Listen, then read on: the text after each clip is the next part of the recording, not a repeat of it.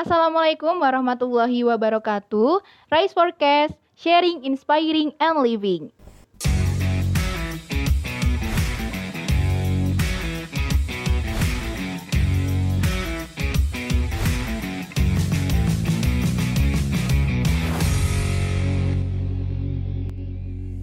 Nah, teman-teman formasi, kali ini kita kedatangan tamu istimewa nih. Ada siapa ya? Jadi di sini ada Mas Nafi, seorang DPF formasi ya Mas ya. Boleh dong Mas kenalkan diri terlebih dahulu. Bismillahirrahmanirrahim. Assalamualaikum warahmatullahi wabarakatuh. Waalaikumsalam warahmatullahi wabarakatuh. Perkenalkan saya Nafi Ulfalah ya. Biasanya teman-teman memanggil saya Mas Nafi. Saya dulu pernah menjadi ketua formasi pertama.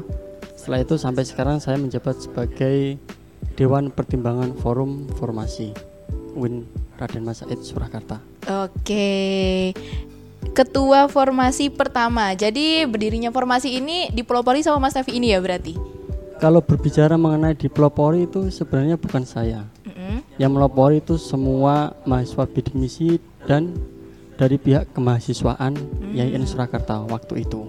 Oh, jadi kemahasiswaan itu kasih wejangan Iya, seperti itu. untuk Betul. buat komunitas gitu ya, Mas ya? Iya, komunitas dari mahasiswa bidik misi agar apa? Mm-mm. Agar eh, mahasiswa bidik misi itu secara komunikasi bisa lebih baik dan ada yang bertanggung jawab terhadap mahasiswa bidik misi. Iya. Seperti itu. Siap. Kalau ngomong-ngomong soal pendirian nih, Mas. Kapan sih formasi itu dibentuk? Saya ingat betul waktu itu harinya Mm-mm. itu hari Jumat. Hari Jumat, Hari Jumat, Jumat, berkah. iya, Jumat berkah.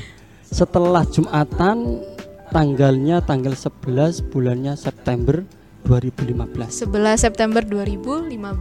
Tanggal cantik lumayan tuh. Iya. Harinya hari Jumat. Saya ingat betul itu. Waktu itu habis Jumatan semua mahasiswa bidik misi angkatan 2012, 2013 sama 2014 Mm-mm. itu dikumpulin jadi satu di Gedung Graha. Yang ngumpulin dari pihak kemahasiswaan. Hmm. Seperti itu. Yang diomongin sama kemahasiswaan apa tuh, Mas? terkait yang diomongin dari kemahasiswaan itu dulu sebenarnya saya tidak tahu kenapa kok kemahasiswaan itu mengumpulkan kita semua bidik misi untuk datang di eh, gedung Graha. Hmm. Tapi pada prakteknya ketika saya sudah datang ke sana itu ternyata ada beberapa pembahasan terkait dengan adanya ataupun keinginan keinginan dari kemahasiswaan untuk membuat suatu forum atau seperti apalah untuk menyatukan mahasiswa bidik misi di YIN Surakarta waktu itu. Karena apa? Melihat dari tahun ke tahun ternyata itu penerimaan mahasiswa bidik misi di YIN Surakarta itu semakin meningkat. Dulu awalnya eh, cuma 30 mahasiswa angkatan 2012. 2013 angkatan saya 41 mahasiswa. Di angkatan 2014 turun 30 mahasiswa kalau nggak salah. Nah, setelah itu dari 2015 sampai sekarang pasti ada peningkatan. Yang terakhir sekarang ini 2021 saya dengar sampai 250-an lebih ya kalau nggak salah. Itu. Hmm, iya. Dari situ melihat eh, perkembangan seperti itu dari pihak kemahasiswaan itu mempunyai ide atau istilahnya gagasan bagaimana kalau mahasiswa bidik misi itu diwadahi dalam satu forum atau satu komunitas atau sejenisnya. Untuk apa? Supaya mahasiswa bidik misi di IAIN Surakarta itu bisa bersatu. Nanti kalau ada informasi-informasi itu cepat tersebar di kalangan mahasiswa bidik misi. Dulu ketika kita belum adanya forum masih di blok perangkatan masing-masing itu dari kemahasiswaan kesulitan. Kesulitan untuk memberikan informasi. Iya. dulu nggak kayak sekarang. Dulu belum ada WA masih pakai HP biasa masih pakai SMS jadi kalau ada teman-teman yang istilahnya dia itu kurang aktif di eh, bidik misi saya yakin bakal ketinggalan dari informasi-informasi. Tapi kalau sekarang sudah ada WA dijadikan satu grup itu eh, lebih enak kalau ada informasi eh, langsung disampaikan ke mahasiswa bidik misi. Nah, dari itulah kenapa forum ini dibentuk dan diciptakan seperti itu. Oke. ngomong-ngomong soal penyebaran informasi, mau nanya deh mas, Iya, itu dulu sistemnya kayak gimana? Sebar informasinya tuh mulut ke mulut kah atau gimana? Nggak. Kalau dulu dari kemahasiswaan cuma megang satu angkatan satu orang. Waduh, padahal teman-temannya banyak kan? Banyak sekali waktu itu. Satu angkatan satu orang itu yang menjadi ketua. Hmm. Dari kemahasiswaan menyampaikan ke ketua, nanti ketua menyampaikan ke mahasiswa yang lain. Nah, nyampeinnya gimana? Waktu itu masih zaman BBM. Oh, iya. Waktu itu masih zaman BBM. Kalau zaman BBM ada beberapa mahasiswa kesulitannya yang tidak mempunyai BBM. iya. Dia otomatis nggak bisa atau nggak bisa menerima informasi dari kemahasiswaan. Mm-mm. Dulu diinisiasi kalau di angkatan saya itu di Jabri atau di SMS satu persatu. Satu persatu. Iya. Waktu itu ya kasihan juga dari ketua angkatannya Iya. harus meluangkan waktu untuk meng-SMS teman-teman 41 orang. Dan itu pun ada beberapa nomor yang waktu itu nggak aktif. Hmm, Kalau kita berbicara mulut ke mulut, waktu itu belum kenal semua, Mbak. Iya benar juga. Antara satu dan yang lain belum kenal. Itu cuma 41 mahasiswa. Kita belum tahu. Mm-mm. Gitu. Ya. Eh, ngomong-ngomong soal itu kan dikumpulin di Geraha dari angkatan 2012, 2013, 2014 itu ya Mas ya. Nah, itu langsung ditunjuk nih ketua formasinya siapa kayak gitu atau gimana Mas? Waktu itu sebelum penunjukan ketua itu masih rundingan. Apakah ini nanti mau dinamakan apa? Hmm. Apakah formasi ataukah apa? Dulu sebelum menentukan eh, ketua itu rembukan masalah nama dulu. Ada yang usul namanya itu komisi, komunitas mahasiswa bidik misi. Wah. Ada yang usul formasi, forum mahasiswa bidik misi, ada yang usul apalagi saya lupa. Banyak sekali usulan-usulan dari teman-teman semua. Tapi dari usulan tersebut disaring terus ada beberapa pertimbangan-pertimbangan akhirnya nama yang disepakati adalah formasi forum mahasiswa bidik misi seperti itu. Ya, siap. Jadi nggak langsung itu ya Mas ya nggak langsung hari itu juga dilantik. Kalau masalah dilantik atau tidaknya dulu awal saya menjadi ketua umum nggak ada pelantikan-pelantikan kayak sekarang. Jadi di Geraha kumpul Mm-mm. adanya gagasan mau membentuk suatu forum mahasiswa bidik misi langsung disepakati nama. Setelah itu kita pemilihan ketua. Oh iya. Nah, yang alot di sini karena apa? Karena tiga angkatan 2012, 11, eh 2012, 13, 14. Waktu itu 2012 posisi sudah semester 7. Mm-mm. Otomatis kalau dari eh, apa namanya? Ini kan sudah semester mau selesai. Jadi di semester 12 dia merelakan nggak usah untuk mengajukan eh, apa namanya? Kandidat. kandidat Iya. terus diserahkan kepada kita di semester 5 kayak saya angkatan 2013 sama angkatannya Mas Dery Prasetyo 2014 nah dari dua angkatan ini masing-masing angkatan itu disuruh ngerembuk dulu ngerembuk dulu nanti siapa yang mau dicalonkan menjadi ketua umum dari angkatan 2013 dan 2014 Hmm. waktu itu teman-teman dari angkatan 2013 itu nggak tahu kenapa saya kok bisa dicalonkan. Padahal saya itu belum tahu apa-apa waktu itu. Yang namanya bidik misi itu apa terus teman-temannya ku itu seperti apa karakternya terus nanti ke depannya mau seperti apa itu belum ada gambaran sama sekali. Karena apa? Itu acara dadakan. Sebelumnya nggak ada jabrian dulu nanti mau diadakan acara untuk pembahasan forum bidik misi itu nggak ada. Ngerti-ngerti langsung dipanggil ke Geraha kemudian jadi satu. Ah, terus adanya gagasan itu. Kembali ke teman-teman saya tadi. Teman-teman saya melihat mungkin ada potensi atau gimana ya. Soalnya dulu di angkatan saya dari 41 mahasiswa laki-lakinya cuma 8 mbak. Delapan orang. 8 orang. 8 orang waktu itu yang datang cuma enam orang. Enam orang yang dua sebagai ketua angkatan sama wakilnya yang tiga itu teman-teman saya.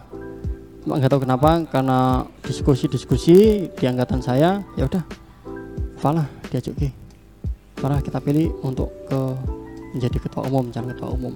Oke lah dengan beberapa pertimbangan saya ngomong sama teman-teman. Saya ngomong sama teman-teman saya kalau diberi amanah insya Allah saya akan siap.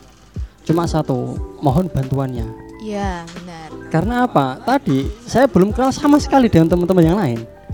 Di angkatan saya itu belum kenal sama sekali, apalagi di angkatan yang lain. Maka dari itu saya ngomong sama teman-teman, nanti kalau saya terpilih menjadi ketua umum, saya mohon bantuan dari teman-teman semua untuk menjalankan roda organisasi yang notabene baru lahir. Yang masih kalau bayi itu masih merah. Iya. Arah ke depannya seperti apa? Saya belum ada pandangan. Nanti tujuannya seperti apa? Saya belum ada pandangan. Akhirnya dengan persetujuan teman-teman, saya dengan rela hati mau nggak mau ya saya maju. Itu yang dari angkatan saya. Terus yang dari angkatan 2014 itu ternyata Mas Dery yang diajukan waktu itu. Mas, Mas Dery. Mas Dery. Dery siapa ya lupa saya namanya. Dery. Jurusan Febi, anak Febi. Hmm, Dery Setiawan. Dery Setiawan. Iya, Dery Setiawan itu. Lanjut ya Mas ya. Eh, pastinya kan pas setelah pemilihan itu pasti ada kesulitan nih, kesulitan lebih kayak kesulitan kayak menarik teman-teman mau jadi pengurus kayak gitu kesulitan dalam berbagai acara dari formasi sendiri. Nah boleh dong Mas kasih tahu sharing-sharing kesulitan apa sih yang dialami ketika masa baru-baru itu? Oke. Pastinya satu ya komunikasi. Komunikasi antara mahasiswa itu ya sangat sulit waktu itu. Belum adanya WA, kita masih BBM-an, terus yang kedua kita nggak tahu ini nanti orangnya itu karakternya seperti apa, nanti cocoknya di mana, di mana, di mana. Juga kalau kita mau bentuk pengurus kan ada beberapa divisi-divisi atau departemen-departemen. Iya. Kalau dulu waktu saya itu ada empat departemen, departemen pendidikan, pengabdian, penelitian, sama yang satu itu informasi dan komunikasi. Hmm. Empat itu. Nah dari sini waktu saya pembentukan struktur organisasi, eh organisasi, saya minta bantuan Mas Tito, Tito Kurniawan. Itu siapa tuh Mas? Itu angkatan saya. Oh. Waktu itu dulu dia diamanai menjadi istilahnya penanggung jawab angkatan. Hmm, Saya minta bantuan kepada beliau, Mas tolong carikan nama-nama orang yang sekiranya itu cocok masuk di bidang ini, bidang ini, bidang ini. Mm-mm. Nah, itu.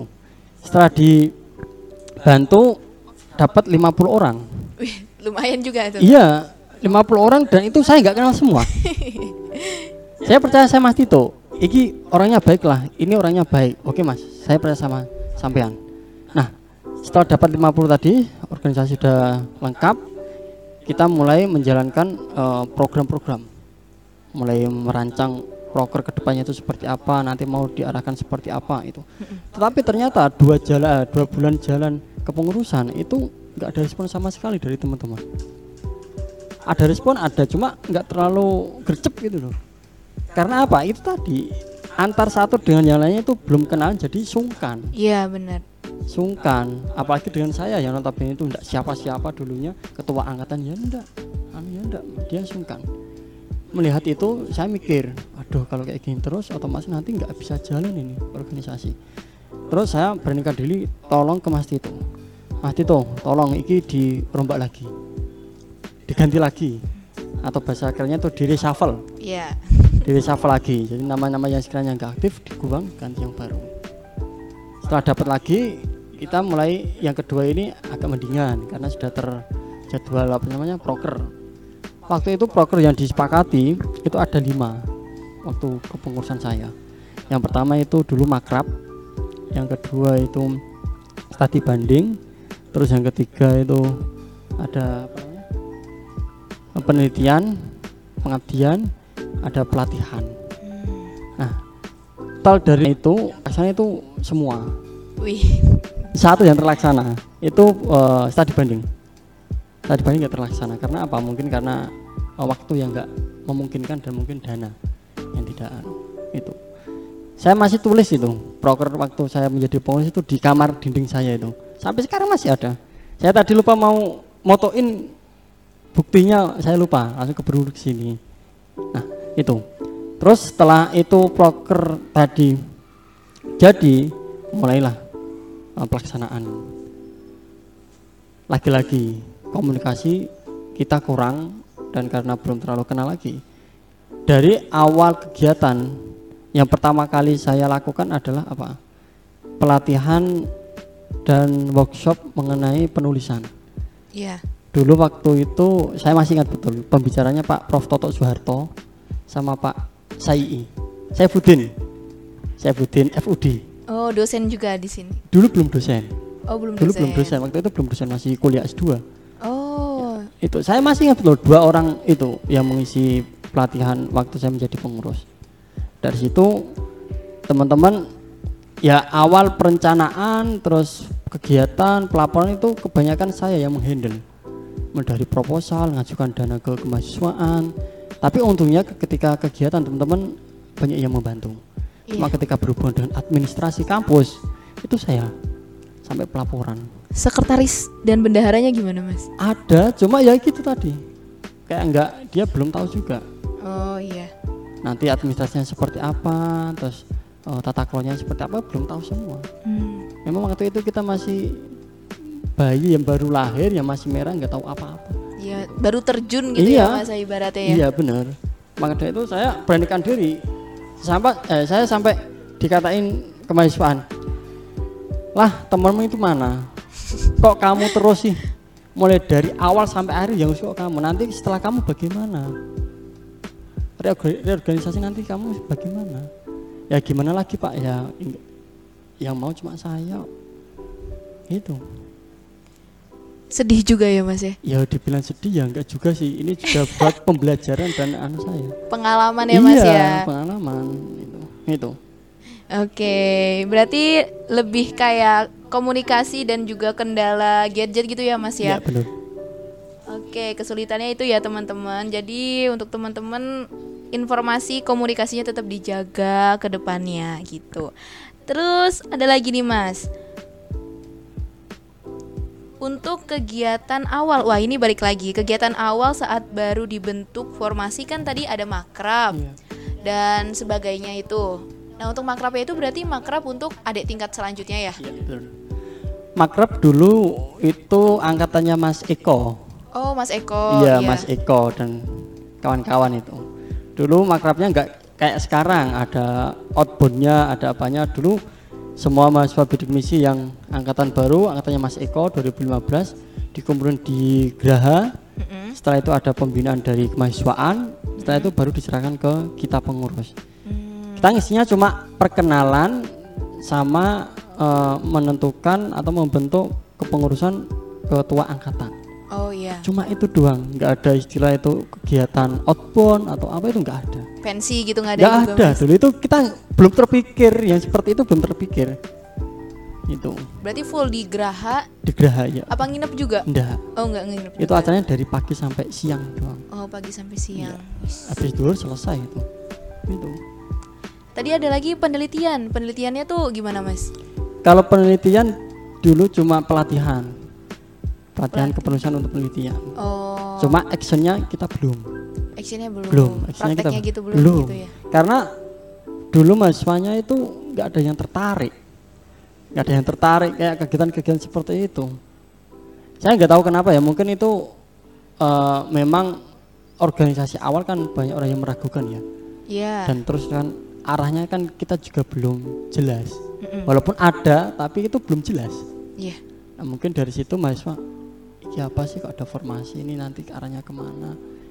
Banyak yang acuh tak acuh.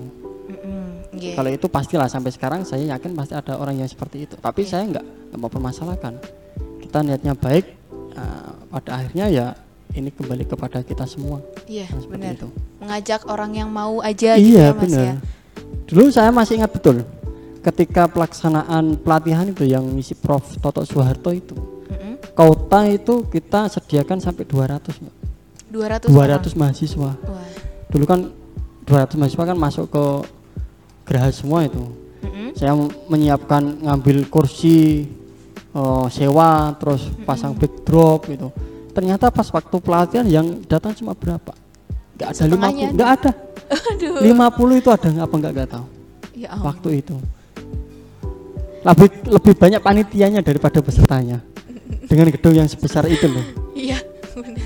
Ya karena tadi mungkin ada alasan kuliah, alasan ini, alasan ini ya saya nggak nggak maksa sih. Kita niatnya baik, kita mau mengadakan pelatihan ini yang longgar monggo silakan datang. Iya. Ini kegiatan untuk teman-teman semua, nggak bayar, gratis. Dulu gratis. Dapat snack, dapat Hmm. Ilmu yang ilmu, dapat peralatan tulis, dapat makan siang loh. Waduh. Lengkap. Nyesel tuh kayaknya tuh. iya, Nyesel banget itu. nggak tahu kalau itu yang nyesel itu saya Kenapa? karena apa ya saya merasa sudah mempersiapkan itu semua dengan susah payah. Iya. tapi ternyata actionnya itu kok seperti ini. Iya. soalnya itu teman-teman kok nggak mesakit dengan saya gitu loh. Walaupun saya nggak perlu dimesak nih. Memang memang tugas saya seperti itu. Terkait dengan nanti teman-teman ikut apa enggak ya monggo. Iya. kita yang susah itu eh, apa mendistribusikan eh, snack-snack yang sisa itu loh. Yang paling susah itu. Dari 200 snack makan siang alat tulis itu cuma yang datang cuma 30 atau berapa masih 170-an loh Aduh. Belum sama panitia itu? belum Belum. itu Kecewa ya lebih tepatnya kecewa gitu, Mas. kalau rasa kecewa enggak Oh, enggak. saya enggak enggak mau kecewa saya kalau kecewa itu nanti mikiran saya itu anu pak saya nggak mau itu menjadi keke- kekecewaan saya cuma itu menjadi pelajaran bagi saya Iya. untuk ke depannya bisa lebih baik apa sih kenapa sih kok teman-teman nggak nggak ikut eh, kegiatan ini yang menjadi persoalan itu di mana untuk untuk evaluasi kegiatan selanjutnya Iya. seperti itu Oke, terima kasih Mas sudah cerita-cerita. Nah, satu lagi nih Mas. Itu kan pas pembentukan formasi awal-awal itu biasanya kalau kumpul-kumpul kayak gitu apa udah ada base campnya atau gimana Mas? oke waktu itu ketika sudah terbentuk eh, pengurus otomatis kita mengadakan rapat ya Iya. rapat dulu sekecilan dari 50 mahasiswa yang datang cuma sosok 10, sosok 5 gitu. Kita rapatnya di mana? Di mana-mana. Di mana-mana. Iya, di mana-mana. Di mana ada tempat yang longgar, yang enak, kita gunakan untuk rapat. Pernah di taman, pernah terus di syariah dulu belum seperti itu. Itu pernah terus di pokoknya di mana-mana. Yang penting ada tempat longgar, enak, sunyi, kita gunakan rapat. Sampai pernah Pak Samsul itu bilang, "Bu, sekali-kali teman-teman mahasiswa bidik itu rapati di rumah makan." Hmm, Tapi kita nggak mau. kenapa Bukan Mas? karena masalah uangnya ya. Iya. Yang di rapat biasa ya banyak orang yang nggak datang apalagi di rumah makan. Iya, benar. Pas nanti kita sudah persiapkan semuanya, kita nggak ada yang makan kan ya. Sama saja, mending kita di mana-mana eh, di mana saja. Yang penting kita bisa intinya kita kumpul, kita membahas hal-hal tertentu itu aja. Iya, Nanti- tercapai pembahasannya Iya gitu benar. ya. Iya. Benar sekali, Mbak. Iya, ternyata nggak mudah ya Mas ya mengawali formasi sampai tahun 2021 ini. Formasi udah ada sekitar enam tahun ya Mas ya, Kurang lebih enam tahun. kurang lebih enam tahun dan Mas dan Mas Nafi ini melihat sebagai DPF Iya. keperkembangan formasi dari tahun ke tahun. Nah, pesan-pesan untuk kami nih Mas sebagai pengurus formasi atau formasi seluruh angkatan, monggo. Oke. Terkait dengan perkembangan dulu ya, Mbak. Iya. Perkembangan dari tahun ke tahun kalau bisa saya gambar itu kalau dari grafik itu meningkat terus. Alhamdulillah. Mulai dari angkatan saya, angkatnya Mas Sahrudin, angkatannya Mas Fauzi, Mas Aryan, Mas Fikri, Mas Panji sekarang itu dari tahun ke tahun itu dari pengurus pengurus selanjutnya itu semakin meningkat. Iya. Nah, maka dari itu saya berpesan kepada teman-teman semua pengurus maupun teman-teman sobat divisi dan KIP, KIP kuliah pertahankan. Kalau bisa malah dinaikkan Iya. kalau bisa. Nah, selanjutnya adalah terkait dengan komunikasi, Mbak. Mm-mm. Memang dulu yang menjadi kendala itu komunikasi. Kenapa? Ketika saya ngasih istilahnya jangan kepada teman-teman pengurus, jangan sampai tinggalkan komunikasi. Iya. karena komunikasi itu penting sekali buat kita. Apalagi ini notabene organisasi harus e, merangkul semua orang. Kalau kita komunikasi nggak terlalu terjalin itu nanti ya tahu sendirilah akibatnya. Iya, benar. bisa terjadi kesalahpahaman atau bisa terjadi apalah itu. Maka dari itu komunikasi. Komunikasi harus kita jalin. Saya dulu ketika ngasih wejangan kepada teman-teman jangan sungkan-sungkan WA saya nggak apa-apa silakan teman. Siapa pun kalau saya pasti tak balas. Pasti. Saya nggak pernah ada teman-teman mahasiswa bidik misi WA saya langsung tak lama nggak tak baca slow respon itu nggak. Pasti gercep. Gercep. tanya saja tem- sama teman-teman yang pernah WA saya. Iya. selama saya ada kota dan ada waktu saya langsung balas. Seperti itu. Udah, berarti untuk teman-teman semua kita bisa simpulin ya pesan dari Mas Nafi itu harus menjaga, harus dijaga komunikasinya gitu. Dan untuk teman-teman juga mau chat Mas Nafi juga monggo-monggo aja ya Mas ya. Silahkan, saya welcome 24 jam. Widih. 24 jam loh, aduh nggak main-main malah. HP saya selalu on terus, nggak bakal off. Kalau di cas? Nggak, tetap on. Oh tetap Ya, on. harus HP saya itu harus on. Sewaktu nanti kalau dapat panggilan dari kantor kan kita siap. Iya betul banget siap. Berarti orangnya itu Mas Nafi itu tipe orang yang itu ya sangat-sangat apa konsisten dan juga komunikatif gitu ya Mas ya. Betul. Oke Mas, mungkin itu aja yang bisa Mas Nafi share ke teman-teman formasi. Terima kasih banyak Mas Nafi Ya, sama-sama, Mbak. sudah meluangkan waktu menjadi narasumber di podcast ini. Semoga Mas Nafi selalu sehat Amin. amin. dan dilancarkan rezekinya. Amin. Amin. Oke teman-teman semua terima kasih buat teman-teman yang udah dengerin podcast ini sampai selesai. Tetap semangat kuliahnya, jangan sampai kendor ya. Aku pamit dan Mas Nafi juga pamit. Wassalamualaikum warahmatullahi wabarakatuh.